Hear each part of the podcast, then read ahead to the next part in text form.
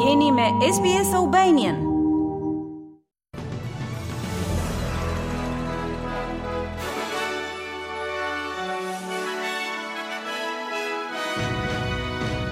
Në buletinin e sotëm informativ do të ndiqni Anthony Albanese uron Chris Hipkins që së shpejti do të jetë homologu i tij në Zelandën e Re. Më shumë se shtatëmbëdhjetë mijë armë janë dorëzuar në vitin e parë të amnistisë kombëtare të armëve. Dhe në sport, një nga klubet më të mëdha të futbollit në botë ka marrë një gjobë prej 15 pikësh. Dhe fillojmë më gjerësisht me lajmet. Kryeministri Anthony Albanese thotë se mezi pret të punojë me homologun e tij të ri të Zelandës së Re, zotin Chris Hipkins. Ai ka thënë se ka folur me zotin Hipkins në një bisedë të ngrohtë dhe e ka uruar për detyrën e re. Dyzet e katër vjeçari Hipkins, aktualisht ministër i Arsimit dhe ministër i Policisë së Zelandës së Re, ka dalë si i vetmi kandidat për të udhëhequr Partinë Laburiste qeverisëse të Zelandës së Re. Ai do të konfirmohet nga një mbledhje e grupit parlamentar të partisë të dielën dhe më pas do të bëjë betimin. Hipkins është aleati i kryeministres që po largohet, Jacinda Ardern, i cila surprizoi me dorëheqjen e saj këtë javë, duke përmendur lodhjen si arsye për ta lënë punën në të cilën ka kaluar 5 vite e gjysmë. Kryeministri Anthony Albanese ka takuar biznesmenin dhe filantropistin amerikan Bill Gates. Zoti Albanese e ka shfrytëzuar takimin e tij me Gates në Kirribilli House në Sydney për të përmirësuar të dhënat e qeverisë së tij mbi ndryshimet klimatike, që është ndër një sërë interesash që Gates po ndjek përmes kompanisë së tij Breakthrough Energy. Gates thotë se vlerëson ndihmën e Australisë për iniciativat e tij shëndetësore, të ndjekura përmes fondacionit Bill dhe Melinda Gates. Bashkëthemeluesi i Microsoftit thotë se dëshiron të zhdukë malarien. fillimisht nëpër rajone ku është më e përhapur dhe më pas në të gjithë botën. Më shumë se 17.500 armë janë dorëzuar në vitin e parë të amnistisë kombëtare të armëve. Një flakëhedhës që nga viti 1960, si dhe armë zjarri automatike, ishin ndër artikujt e dorëzuar. Pothuajse një e katërta e njerëzve që dorëzuan armët, thanë se i kishin të trashëguara. dhe 38 për qind prej 227 persona që dorëzuan armë pranuan se nuk kishin patentë për mbajtjen e tyre. Armët mund të dorëzohen në mënyrë anonime dhe pa penalitet. Një anëtar i lartë i Partisë Liberale Federale do t'i japë sot një vlerësim të ashpër se pse partia humbi zgjedhjet federale të vitit të kaluar, duke thënë se partia ka nevojë ndër të tjera për më shumë njerëz me prejardhje multikulturore. Julian Leeser, zëdhënës i opozitës për australianët indigjenë, do t'i thotë Kongresit Kombëtar të krahut rinor të partisë, liberalëve të rinj, se partia nuk u ka ofruar australianëve një plan për të përballuar sfidat e së ardhmes. Ai thotë se ka prej kohësh një shkëputje në rritje midis partisë dhe veçanërisht australianëve të rinj. Ai thotë se partia duhet t'u japë përparësi zërave të rinj duke theksuar akses më të madh në trajnimin profesional dhe arsimin e lartë dhe gjithashtu duke i lejuar të rinjtë të kenë akses në pensionet e tyre për të blerë pasuri të paluajtshme. Partia Laburiste e New South Walesit thotë se do të konsultohet me komunitetet indigjene të shtetit për një traktat të mundshëm nëse fiton zgjedhjet shtetërore në mars. Partia thotë se do të shpenzojë 5 milionë dollarë për një proces konsultimi njëvjeçar për këtë çështje. Një traktat do të ishte një marrëveshje midis shtetit dhe komuniteteve indigjene, duke vendosur detyrime për të dyja palët për të vepruar mbi çështjet dhe për të përmirësuar rezultatet. Laburistët kanë propozuar një komision traktati që do të shkojë kudo nëpër shtet për të ndihmuar në formimin e këtij traktati. Një takim i aleatëve perëndimor në Gjermani nuk ka arritur të marrë një vendim për dërgimin e tankeve të prodhimit gjerman në Ukrainë për ta ndihmuar atë në luftën e saj kundër Rusisë. Shtetet e Bashkuara u kanë kërkuar vendeve të shtojnë përpjekjet për të ndihmuar Ukrainën, duke thënë se Rusia është gati të shtojë përpjekjet e saj për luftë. Shtetet e Bashkuara dhe Finlanda kanë njoftuar të dyja se do të japin ndihmë shtesë për Ukrainën. Gjermania ka të drejtën e vetos mbi çdo vendim për të eksportuar tanket, një lloj tanku i njohur si Leopard 2. Gjermania mendohet se po heziton të miratojë përdorimin e tankeve, nga frika se kjo do të provokonte më tepër Rusinë.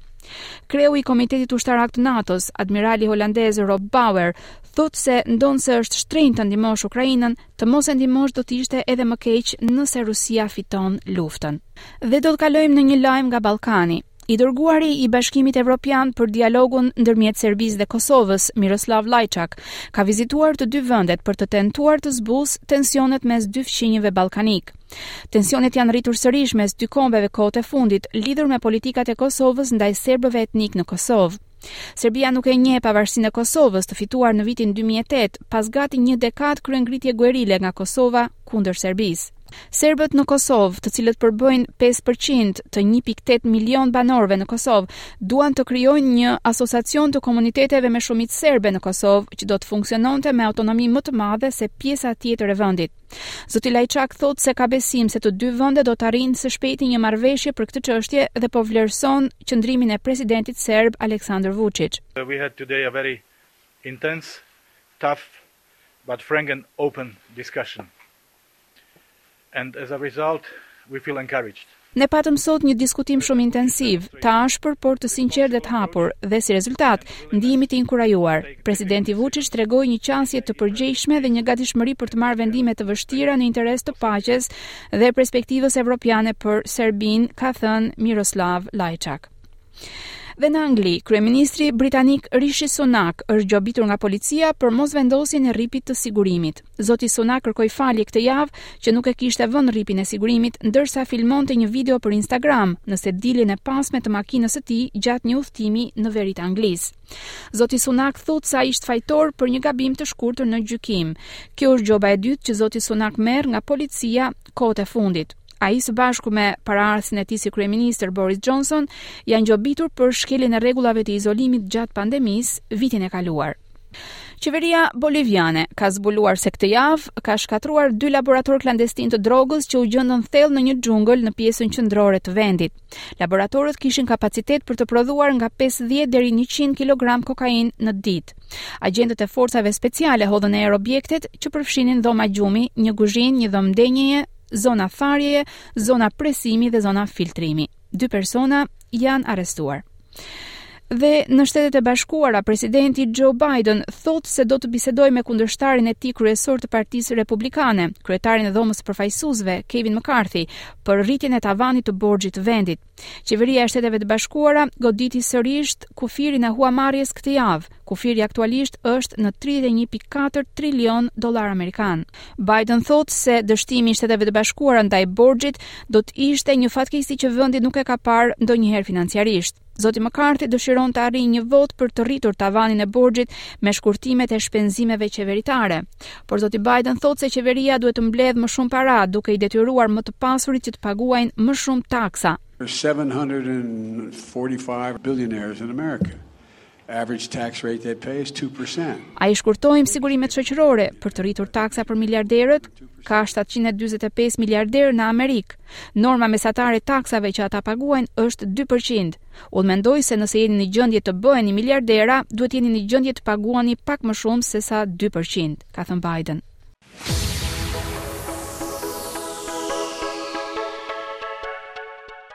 Dhe në sport, në futboll, Juventusi, një nga klubet më të mëdha të Italisë, është dënuar me një gjobë prej 15 pikësh, ngaqë ka dhënë bilance të rreme financiare. Dënimi e zbret Juventusin nga vendi i tretë në renditjen për divizionin më të lartë italian, Serie A, në gjysmën e fundit të tabelës, dhe kjo mund ta pengojë klubin që të kualifikohet në garat evropiane sezonin e ardhshëm. Klubi gjithashtu mund të përballet me ndërshkime nga organi drejtues i futbollit evropian UEFA, e cila ka hapur një hetim mbi financat e klubit.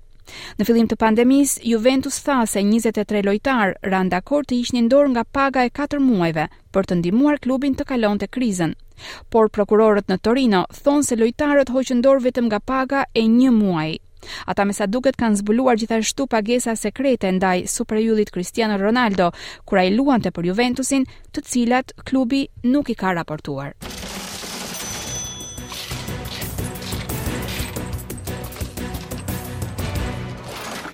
Do të kalojmë tani në kursin e këmbimit të valutës australiane. Një dollar australian sot këmbehet me 74 lekë shqiptare, 0.64 euro. zero pikë gjashtëdhjetë e nëntë dollarë amerikanë dhe me tridhjetë e nëntë pikë gjashtëdhjetë e katër denarë të Maqedonisë së Veriut.